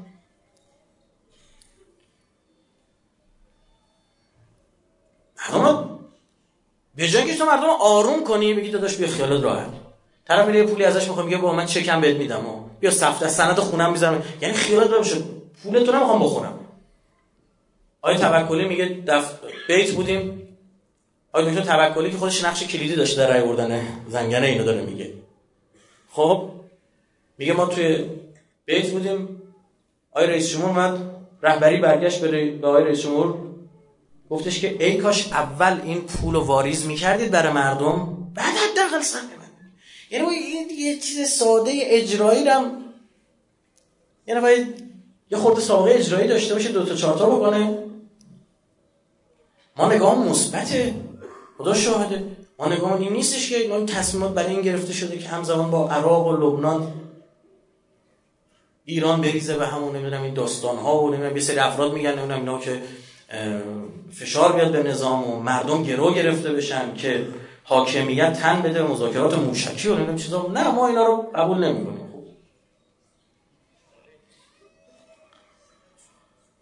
نکته چهارم حاکم بودن فضای بیاعتمادی بین دولت و مردم تو هفت سال گذاشته شما هر چی گفتی زدی زیرش. مردم که باور نمی‌کنن. گفتی بعد صد روزه سر صد روز سر سال اومد کی گفته بعد صد روزه؟ مگه میشه صد روزه درست کردی چیزایی؟ آدم دیوونه باشه همچین چیزی رو بگه و باور بچه بعد ملت می‌زنن تو گوشی فیلمشو می‌دید آقا یعنی چی؟ مونه آقا بعد برجام. بالمره تمام اینا. بالمره میپره. خب منتظر مردم امروز دلار ترامپ چی گفت قبلش؟ اوباما جان کری اومد. ای داره اخبار ملت که اصلا خیلیشون اخبار گوش نمی‌کنن. همه اخباری شدن. با شبکه خبر نشستن. داره چی میشه اینا که توی بعدش 6 سال 7 سالش خبر نشد نکته دیگه اخبار اخبار مربوط به فسادی که هر روز مردم میشنیدن هزار میلیارد این زده 500 میلیارد یه جوری شده به یه جایی گفته آقا فلانی 50 میلیارد بود پدرشو یا بوده اینا زندگی تجملاتی برخی از مسئولین عکس خونه های برخی از مسئولین خب حس مردم در میاره. عمدتا خلف بعدی دیده. نیگر وقتی میگه آقا ما کمکتون می‌کنیم. میگه آقا نه ما رو به خیر تو امید نیست. شهر؟ این بنزین هزار تومانی از من نگیره ها ببین این حسه ببین. بنزین هزار تومانی از نگیره. نمی‌خوام. اصلا نمی‌خوام. کمک نمی‌خوام. این نقشه جدیده. میگه نه آقا بهت کمک نه نه نه نه من همین هزاری رو می‌خوام. چسبیده بچه بله می‌کنه. قشنگ حس مردمی. بعد شما می‌خوای این کار رو انجام بدی. خدا پدرتون بیامرز. اون انجام بده عیبی نداره. رسیدید بررسی کردید. کار کارشناسی کردید. خدا پدرتون میزه ما نمی‌فهمیم. انشالله در آینده اثرات خوبش رو می‌بینیم. همه میگیم میگیم ببخشید. بده ها؟ می‌خوای این کارو بکنی؟ این کار نیاز به آرامش نداره. چرا بلند میشی میری توی از مملکت میریزی به هم؟ دو روز قبلش. اصلی ترین کسی که باید از شما حمایت بکنه قوه قضاییه است. و میری قوه قضاییه میشیری میندازی رو هم شرایط کشور دو قطبی می‌کنی بعد انتظار کمک داری؟ بعد میگه کسی آرامش رو به هم نزنه؟ خدا پدرتو بیامرزه خود شما شروع کردی که. کسی کاری نداشت. آیا نماینده ها اطلاع داشتن یا نداشتن؟ میگن بگید. دروغ میگن. یک شنبه آقای لاریجانی در مجلس جزئیاتشو نمی‌دونستن. اصلشو می‌دونستن که این تصمیم گرفته شده. کیفیتشو نمی‌دونستن و زمانشو نمی‌دونستن که چه مدلی و چه زمانی. آیا لاریجانی میره صحبت می‌کنه یک شنبه؟ چند تا بحث مطرح می‌کنه که دولت می‌خواد بودجه رو به جای سالانه دو سالانه بده. برخلاف قانون اساسی ما اینا نمیپذیریم. فکر میگه آقا بدونید می‌خواد اجرا بشه. تو نمی‌دونستن اینا که. البته برخی از نماینده همون هم می‌دونستن. به واسطه به واسطه واسطه بودنشون به سری از دستگاه امنیتی. حالا اونایی که مثلا نماینده های اصولگرا به از سپاه خبر داشتن اوری هم وزارت اطلاعات. خبر داشتن یه توییت می‌زدن. می‌گفتن این طرف اون طرف. یه چیز جالبش میگم. آیه سخنگوی قوه قضاییه. اسماعیلی دیگه اسمشون دیگه زنگ می‌زنه به اون مرکز استانی به استانداری که آقای رئیسی می‌خواسته سفر استانی بره پنجشنبه اونجا. استاندارم میگه آه حالت خوبه کجا می‌خواید بیاید؟ پنجشنبه اینجا میگه چه میگه؟ بنزین داره سهمیه بندی میشه بحث مباحث امنیتی وجود داره. میگه ای پنجشنبه می‌خواد سهمیه بندی بشه؟ متوجه شدی؟ یعنی قوه قضایی مملکت استاندار محل سفر با خبر بشه. شورای امنیت مخالف بوده. شاک شورای امنیت کشور. آقای رحمانی فضلی وزیر کشور مخالف بوده. کارشناسای نفتی میرن شاک شورای کشور و گزارش میدن میگن به مشکل برمیخوریم. خود آقاین نفتی میگن جون مادرتون اگه می‌خواید اجرا کنید خود آقاین نفتی میگن می‌خواید اجرا کنید این از سر برج, برج اجرا کنید. چرا؟ چون محاسبات ما حساب کتاب ما به هم میریزه از سر برج اجرا نمی‌کنیم. خب یه هفته وای دیگه. یه هفته وای سر برج اجرا می‌کردی. که ما از حسابمون از اول ماه ما انجام بدیم. آقای زنگنی فشار میره نخیر همین امروز. آقای روحانی هم همین رو میپذیرن و دولت انجام میده. حالا با اونم کار ندارم. عید بود. من نمی‌دونم. اما احساس می‌کنم فضای تصمیم گیریم بوده که مردم درگیر عیدن. آره شادن. تو همین شادی باید این طرح انجام بشه. یه روایتی داریم یه ابو جهل آقا رسول الله که به دنیا آمد. جالبه گوش. ابو جهل آقا رسول الله که به دنیا آمد چون عبدالله به سردار شده بود یه خوشحال شد کنیزش آزاد کرد. میگن خب پیامبر دوشنبه به دنیا آمد دیگه. بعد میگن که هر هفته دوشنبه ها این عذابش رو تخفیف میدن به خاطر اینکه اون کنیزه رو شاد کرد به خاطر به دنیا آمدن تی پیامبر. حالا یه عده‌ای شب جمعه رأس ساعت دوازده و دنیا آماده باشن. اینم روایش دوم بعد اینو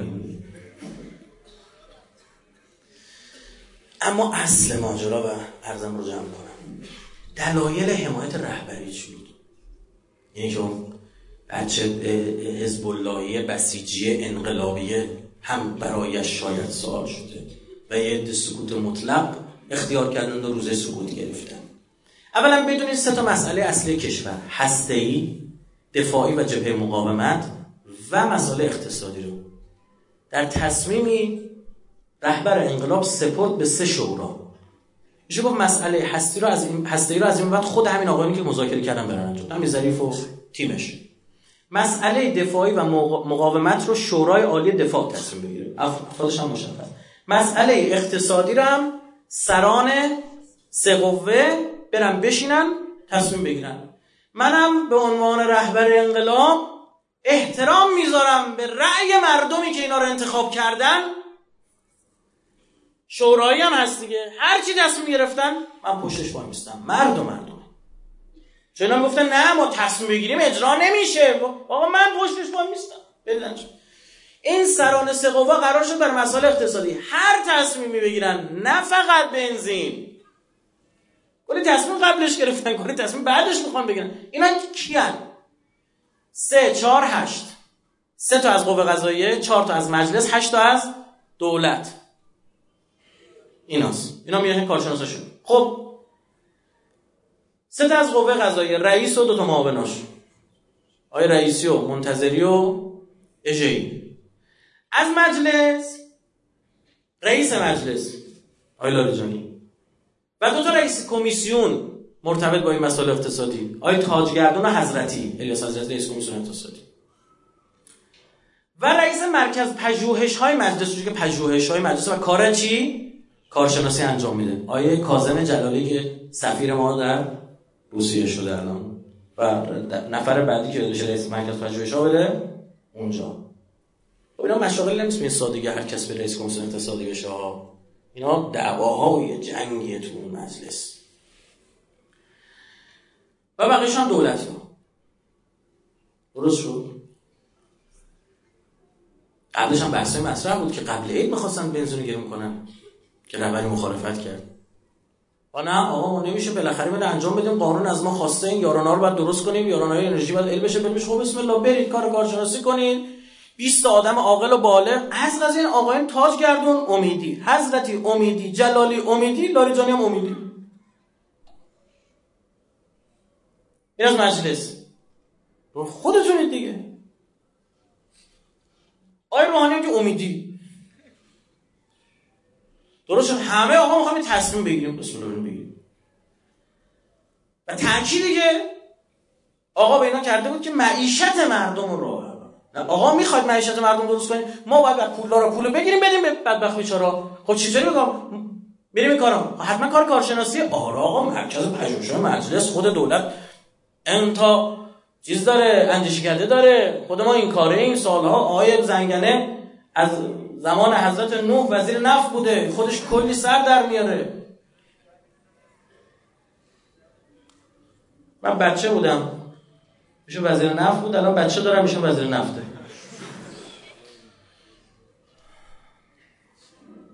یا بعدای جنتیشونه دیگه.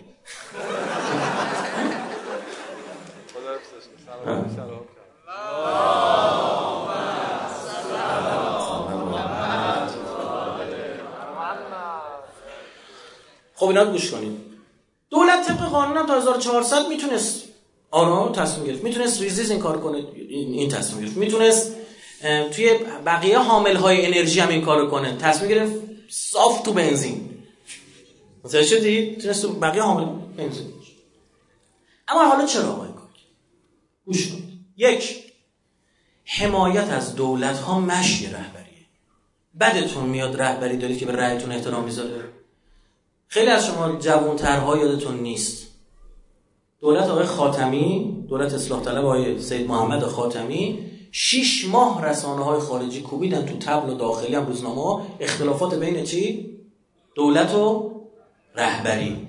ایشون اومد توی سخن اون نماز جمعه بود کجا بود؟ رسما اومد تمام اقدامات دولت حمایت می‌کنه.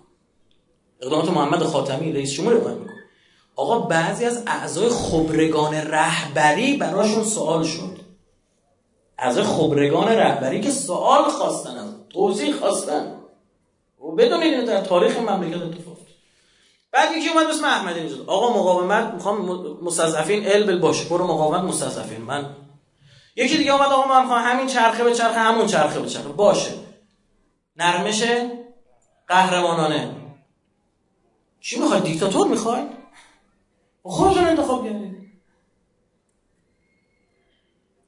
از این سه چار هشت چار هشت دوازده تاش انتخابی هن. به فرض از اون ستا مخالف. چی میشه؟ دوازده سه بردن. که انتظار چیه که اون سه نفرم برای اینکه درست اجرا بشه مخالف بگید؟ نباشن.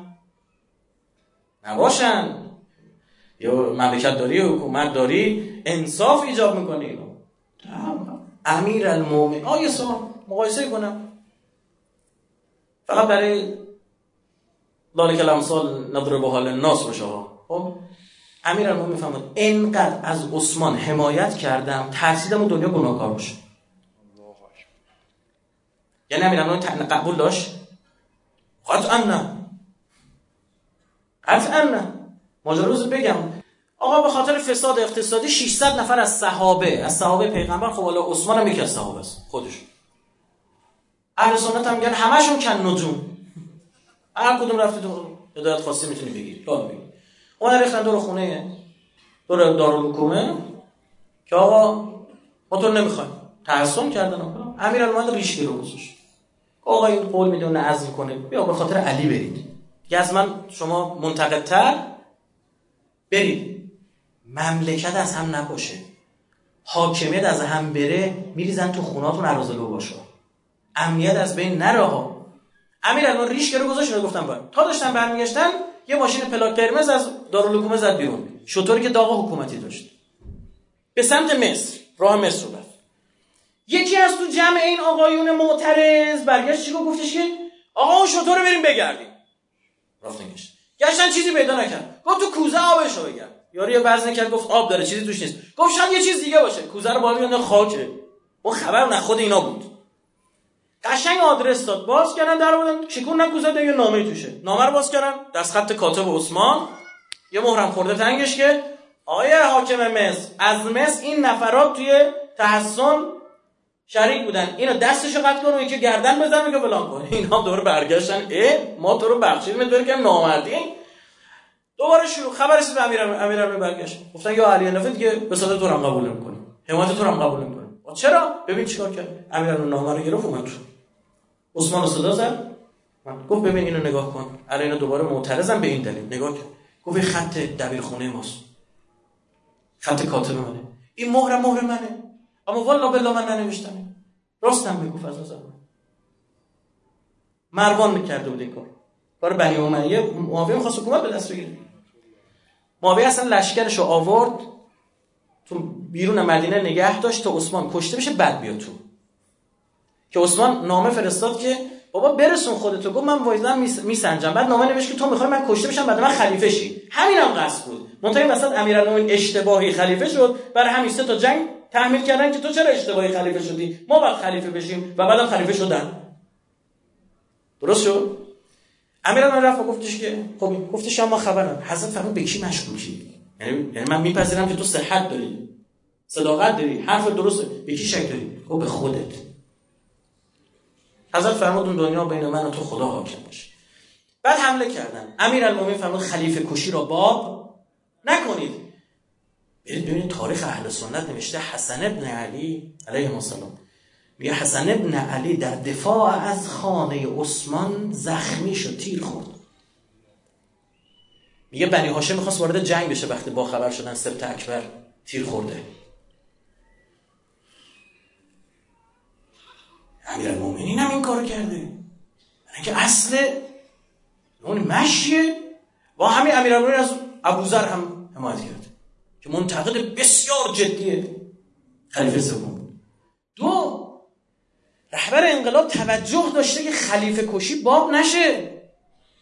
این تبدیل نشه به یه رویه از این هر کسی چیزی رو قبول نشه بریزه تو خیابون بانک آتیش بده فروشگاه آتیش بده اموال عمومی آدم بکشه. این نباید مود بشه نباید مدل بشه. سال 88 ایشون برای. یکی از اصلی ترین دلایلی که کوتاه نیامد ایشون می‌دونید که همیشه پشت رای مردم بوده. به هر کی شما رای دادید باش همکاری کرد. محکم وایستاد گفت من کوتاه نمیام. اونم چی می‌گفتن؟ گفتن دوباره انتخابات برگزار بشه جز اینه؟ شما بابا این اگه باب بشه دیگه اصلا انتخابات در جمهوری اسلامی دیگه معنی نداره. اصلا فرض کنید هم موقع این کارو می‌کردن به فرض توی دنیای خیالی موسوی هم چیکار می‌کرد؟ بگید. رأی می آورد اون موقع احمد نژاد تقلب شد. از بعد اون هر کسی می آورد 92 آی روحانی با 250 60 هزار تا رأی بیشتر دور اول رئیس جمهور شد. درست یا نه؟ قالیباف می‌گفت تقلب شد 250 هزار تا که محتمل تره تا 11 میلیون فاصله. 88 تن نداد و دموکراسی رو تثبیت تثبیت و تصویر رو تثبیت کرد در این مملکت. چون پشت رأی مردم. همه خیانت به رأی مردم نمی‌خواد این باب بشه. اگه شرطی بشن مردم که از طریق خشونت می‌تونن نتیجه بگیرن فردا همین دیگه. هر روز همین قصه داره آقا برای چیزا حتی کوچیکا مورد سوم اگر رهبری این کارو نمی‌کرد هیچ کس نمی‌تونست بچه انقلابی رو کنترل کنه. هیچ کس نمی‌تونست بچه انقلابی که هیچ مخالفان دولت های روحانی رو کنترل کنه. هیچ کس نمی‌تونست. و اون موقع میشه کلی آدم رو من تماس می‌گفتم تو شبکه های اجتماعی. آقا ما خدمت شما عرض می‌کنم که بریم جلو در استانداری بریم جلو در این دیگه شورشو در آورده هفت سال ال بل فلان. گفتم کجا؟ مگه نمی‌بینید؟ دشمن یه سو استفاده می‌کنه. سال 96 مگه اعتراضات مردمی شروع نشد؟ در اعتراضات از غذا بانکی بود. چهار تا این پولاشون رو می‌خواستن که پول گذاشتن تو این تاوان اعتباری ها و این صندوق قرض الحسن جز اینه؟ مردم با این شروع کردن اعتراضاتو. دشمن اومد سو استفاده کرد. شعارا رو برد به سمت ناکجا آباد. شروع کرد آدم کشتن آتیش زدن. چون بستری فراهم می‌کنید دشمن می‌تونید نمی‌تونید بدن کنترل بکنید. بیان می‌گیرن جواب می‌برن. همین الان پنج نفر بخوان یه نفر شروع کنه فوش دادن و مثلا شما یعنی شما دیدین سیستمشون چی؟ از تو این گروه هایی که اینا میفرستن تو جمعیت مردم مطالبهشون به حق ها همین الان نیابت از مردم کلی ایراد کارشناسی در کارشناسی و در اجرا گرفتن. جز اینه؟ بعد اینجا رو داشته باشید. مردم چهار نفر دیدین اینا چجوری عمل می‌کنن؟ آدم قوی هیکل میفرستن هماهنگ شده. همین قلعه حسن خانو کسی که توی شلوغ شلوغ شرکت داشته برای من رسیده این خبرها میگه جلو در فروشگاه رفاه. جامبوی که اینا. چیه؟ جیمبو جامبو چیه؟ جلو در اینا میگه که در باز بود میگه یه نفر خیلی حرفه‌ای زیر کتش کاپشنش. یه چالتی بنزین من گفت خیلی فنی آتیش داد. واسه بلد بود. میگه همین آدم خود یارو میگه میگه زدم دکه جلو در مخابرات قلعه خان آتیش دادم. میگه در که واسه میگه کنار در شیکون میگه دیدم دوباره با زیر کاپشن 4 لیتری رفت و مخابرات. میگه با خودم فکر کردم که خب مخابرات آتیش بده که تلفنامون قطع میشه که. یعنی نگران هیچی نبودم؟ تلفن چی بودم؟ خودمون بودم. گفتم آقا را نکن نکن نکن. تلفنم قطع میشه. مردم یه داد و بیداد کردن. 50 نفر 100 نفر. آقا راست میگه. یارو میگه ترسید اومد بیرون. تو این وسط چیه؟ آقا همون لحظه قوه آقا آقا اینجا رو نسوزونیم. شخصیه. اونجا رو بزنیم دولتی. اینا من مالکیه شلوغ میشه طرف سو استفاده می‌کنه. مورد چهارم. حمایت از قانون و نگاه سیستمی. بدونید رهبر انقلاب کسی که کمترین حکم حکومت رو ایشون میگه بیاید سیستم رو درست بکنید.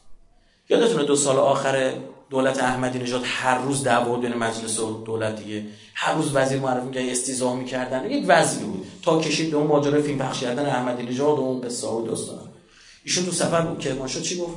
گفت بیاید به ساختار پارلمانی هم فکر کنید. ساختار پارلمانی یعنی رئیس جمهور هست نخست وزیر بیاد. نخست وزیر کی تعیین می‌کنه؟ مجلس. چون مجلسی یا خودشون رئیس دولت رو تعیین می‌کنن پس دیگه باش دعوا بیاید از بیخ و ریشه حل کنید. ایشون می‌خواد این سیستم درست بشه. حفظ از تثبیت ساختارهای نظام.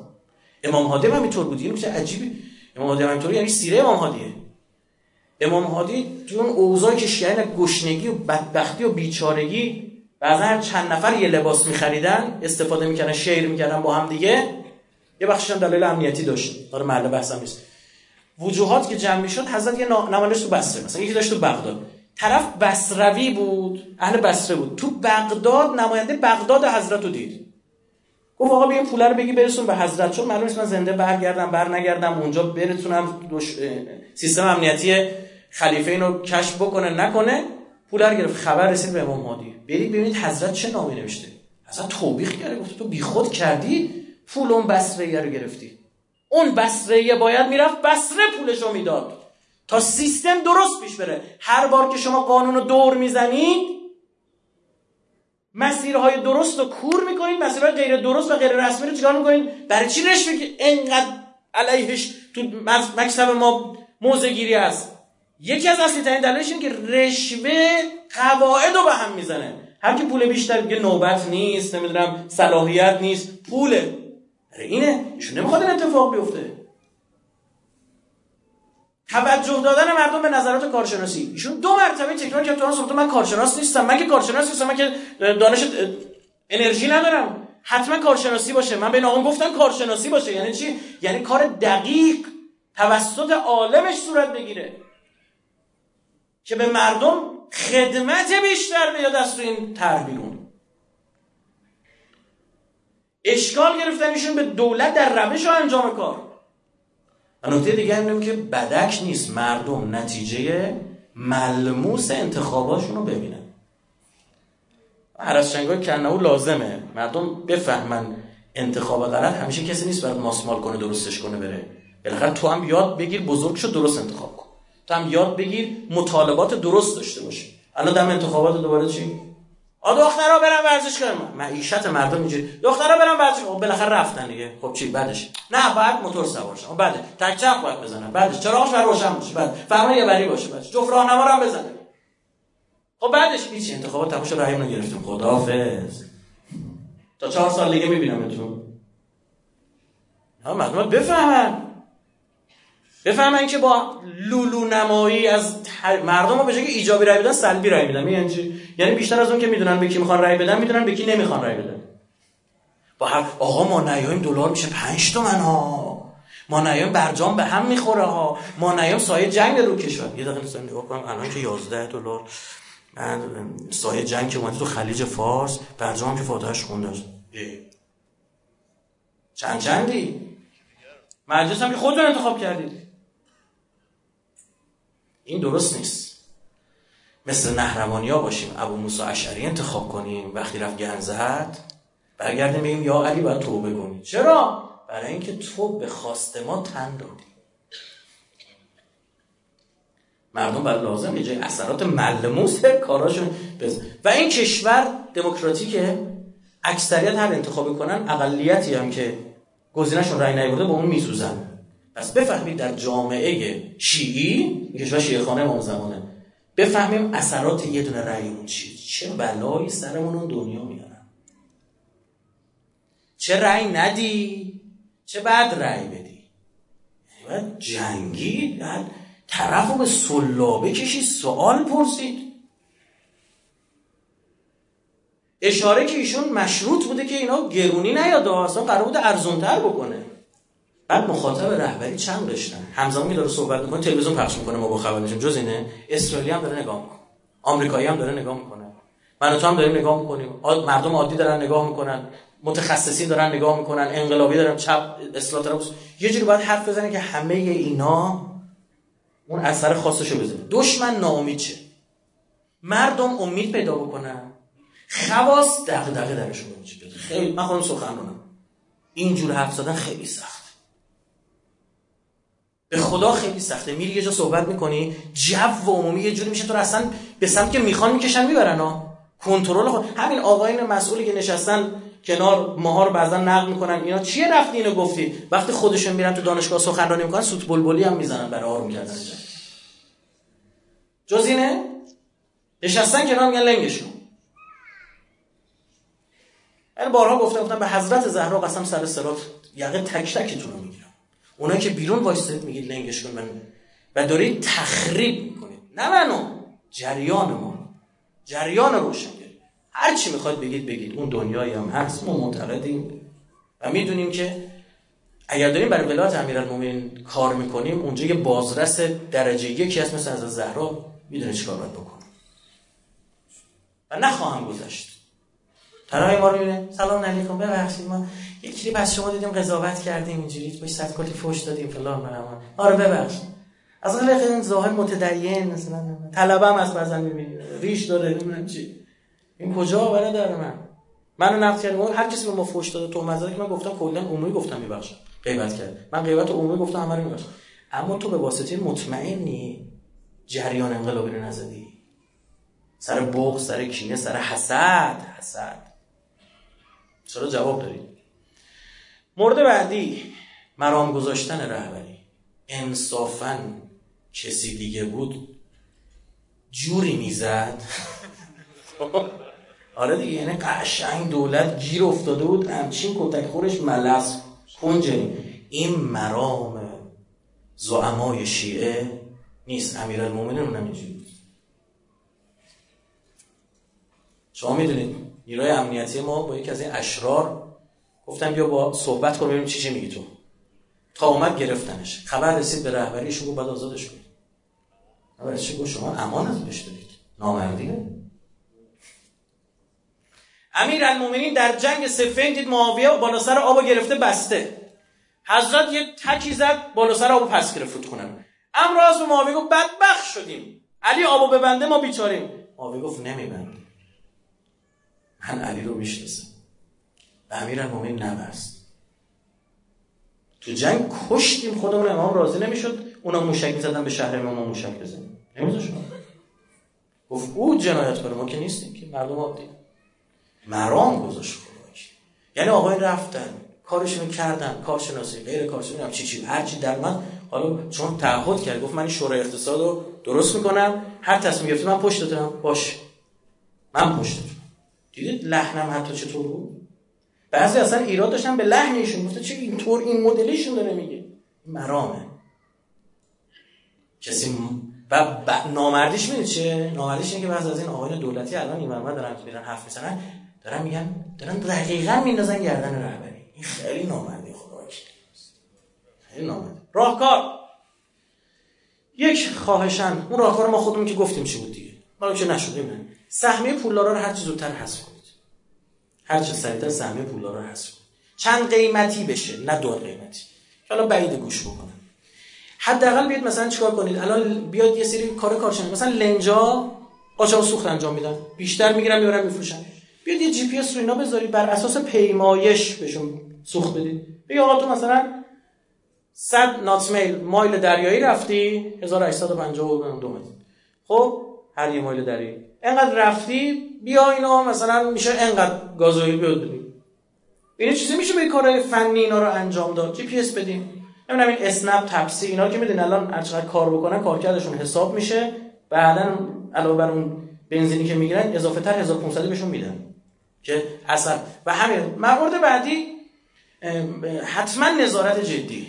حالا که شما دارید به حمل و نقل عمومی بنزین یارانه ای می‌دید حتما باید چیکار کنید؟ جدیت داشته باشید و برخورد جدی بکنید یک شبکه هم بگذارید مردم حتما گزارش بکنن با اینا برخورد بکنن. این چیزا به ذهن ما می‌رسه. آخر جمله هم یه سخنی دارم با نماینده ها. اولا نگرانی. شما وقتی جناب آقای زنگنه رأی اعتماد آورد باید نگران می‌شدید. شماها این قدرت رو دارید در کمتر از دو ساعت هر مسئولی تو این مملکت بکشونید برید مجلس. شما اینقدر قدرت دارید می‌تونید عدم کفایت بدید به رئیس جمهور. هر وزیر رو خاصی می‌تونید استیضاح کنید. دست از پا خطا کنه می‌تونید این کار انجام چرا اون که جناب آقای زنگنه کارت سوخت حذف کرد چکتون نگزید. الان نگرانید دم انتخابات شده دارید پوز مردمی میگه که دوره رأی دارید.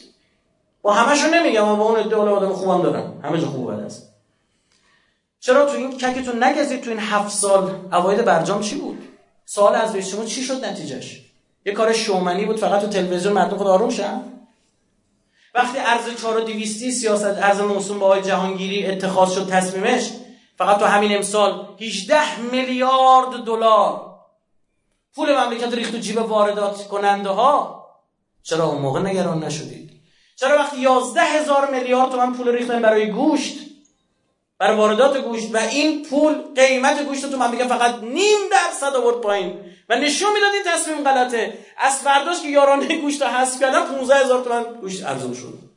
نه معلوم بود مثلا یارانه میدیم به صادرات. از این برای رومانی ارمنستان کجا گوسفند میومد؟ از اون می‌رفت عراق. اتوبوس‌ها رو صندلی‌ها رو برداشتن گوسفند بار زده بودن زمانی که وزیر رفاه کشور به خاطر بد عمل کردن قبلش. وزیر صنعت معدن تجارت. به خاطر بد عمل کردن در آستانه استیزاه بود خودش استفادات رفت از زمین فوتبال بیرون شماره هشتشو در آورد. یه شماره ده تنش کرد در قامت وزیر رفاه دوباره برگشت. از شما رأی اعتماد گرفت از خود شما رأی اعتماد گرفت. نگران نشدید. زمانی که سه مرتبه این مجلس وزارت بازرگانی رو رد کرد. آقا این برخلاف سیاست های کلان مملکت. دوباره انگار نه انگار دولت رفت به سمت تصویش که مجلس نیامده به سمت کالی سر شده بود مجمع تشخیص نیامده کاری سر اون موقع نگران نشدید. وقتی عده‌ای در مجلس منافقانه طرح شفافیت آرای نماینده ها رو امضا کردن و وقتی می‌خواستن به اون رأی بدن فقط 50 تا بهش رأی دادن نگران نشدید. آیه دکتر لاریجانی که حالا خیلیاتون دارید حرف می‌زنید ناراحتید فلانه کی انتخاب کرده؟ شما مردم. و شما نمایندگان ما چه ربطی داره به حکومت و حاکمیت و اینها؟ زمانی که پول در خانه یک نماینده مجلس پیدا شد زن و بچهش وقتی پلیس رو زنگ زدن اومد گزارش گرفتش با پول بود. بعد خود جناب نماینده گفت ما اصلا پولی نداشتیم نه دو تا گزارش پلیس داریم. موقع نگران نشدید وقتی نماینده مجلس اومد به یک کارمند خدوم گمرک گرچه دهنش در اومد گفت و یه فرد موسوم به کاپشن مشکی اومد جلوش ایستاد و فرداش فردا بس فرداش جلسه غیر علنی گذاشتید تو مجلس که چجوری با اینا برخورد کنیم نگران نشدید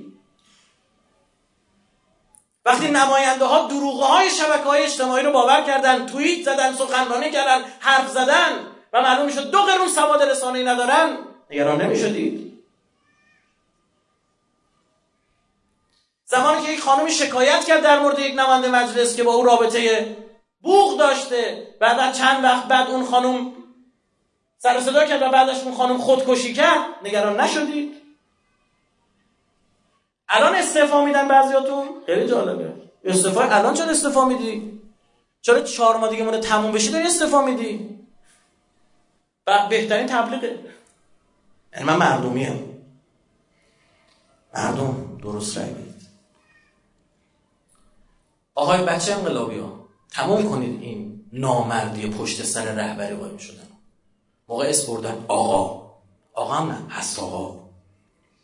حضرت آقا هم نه هست آقا. یعنی اینقدر تکرار کردیم بلدیم کوشی الان کجایی؟ کجا قایم بشینن آقا اینجوری گفت آقا به اینجا وایستا. چرا گفت آقا فرمودن اینطور باشه. این بیشرمی است. زمان امیرالمومنین هم بودی همه کار این درست نیست. یه نکته هم چون فرمودن عرض کنم که ببینید آقا جان این مثلث یادتون باشه. حقوق زن حقوق کارگری فیلترینگ خط انتخابات برای دوگانه سازی که شماها دوباره معیشت و کارآمدی نخواهید. همین الان خیلی فنی بود. با این داستان با این آشوب ها اینترنت قطع شد الان دوباره میگن خب اینترنت قطع شد بذار همین شبکه اجتماعی که از اول هم باید فیلتر می‌کنیم الان وقت فیلترشه. و یک میگه نه می‌خوایم آزادش کنیم. همین شد؟ دو قطبی آزاد کردن تلگرام اینستاگرام اینا و اونایی که نباید آزاد کنن. آی مردم ما براتون اینا رو آزاد می‌کنیم به ما بیای. رأی بدید. این مثلث الان نمیگم برید بزنید توییت رایفی پور مثلث رأی آوردن اینا. او چند وقت بود چند ماه پیش. اونم این مثلث. حقوق زنان. برنامه ورزش کن تک چپ بزنن چیکار کنن سخت جنین یادتون باشه های مردم. چند میشه 29 آبانه؟ 29 آبان 98 قم. سخت جنین خانوما. این خط داشته ببین کی صداش در میاد. خب؟ اینا حقوق زنان. این طرف؟ بعد جوون دیگه میگه ایول میگه استعدادی هست اینا رو سریا در میارن میچرخونن. آقا بحثای این شکلی برانکو حقوقش چی شد؟ بعد خودش پنج ماه حقوق نگرفته. آفتاب لگن هفت از شامناری چی؟ نمی‌تونیم بگیم ما که اینجوری نبودیم. ما که درست هستیم تو درست تصمیم گرفته بی تفاوت بودی نسبت به اقل دستی. چپیدی تو هیئت تو مسجد تو حسینیت. صدا در نیامد وقتی دی پسر خالت همسایتون داره تحلیل غلط داره. پنج میلیون آدم درستی مملکت یعنی پیدا نمیشه. هست. اگر هر کدوم ما فقط سالی یه نفر رو توجیه کنیم. دیگه اینو از کسی که از تک سلولی هم بخوای فکر کنم بتونه انجام بده. سالی یک نفر رو توجیه کنی چهار سال بعد شما 25 میلیونید. بی تفاوت بشینید دم انتخابات دوباره شاخکا آقا احساس تکلیف دوباره بدوش میشه بنده اینا نمیگم بخوام انتخابات من کاندیدا انتخابات مجلس نیستم. قسم به قرآن پیغمبر من نیستم. قسم خوردم که اصلا بخوام هم دیگه نیام. اوکی؟ فکر نکنید اینا رو دارم میگم دم انتخابات الان یکی بخواد دم انتخابات توی شهر رای بیاره یه شهر میره سخنرانی. مثلا دیوونه ها نمی‌دونیم صد تا شهر بره سخنرانی. متوجه شد اینو میگم چون دیدم بعضی از این نخاله های سیاسی دارن این طرف اون طرف چرت و میگن. چون فهم اینا از خدمت فقط چیه؟ برای پسته من نمی‌خوام بیام برای خیالتون راحت بشه برای کاندیداتوری اما اینا دارم میگم که یادمون باشه. این حرفا باید ثبت بشه دیگه. تو همین قوم توی مسجد سخنرانی اسمش شدم نیست. 90 اسفند 95 دور شهره؟ کجا حالا ایشون گفتم خودتون برای دلار 12 پراید 5 میلیون آماده کن. گفتن وا این حرف من بر من برداشت داشتم می‌دیدم افزایش پای پولی کشور چه خبره ارزش ریال کم خواهد شد و این قیمت ها خواهد رفت نه این این رو میگه به خاطر اینکه یعنی ما به اونا رأی ندیم. آه جونه قوم سبا نابود شد به خاطر اینکه اون بچه انقلابی ها و بچه مسلمان هاشون لال شده بودن. درست عمل نمی‌کرد. راهکار مجلس نمانده ها راه دیگه ای نداره. یه خورده ملموس بشه نتایج انتخاب یه خورده بکش تا بفهمی چه اتفاق سرتون درد ما اصفایی می‌کنم از برادرانی که وقتشون گرفتم. امیدوارم هر مفید و فایده بوده باشه. تحجیل بر فرض و عالم می‌کنم استفاده می‌کنیم از بله، بله. بعدهای برادر مطیعی سه سنوات دارم بفهم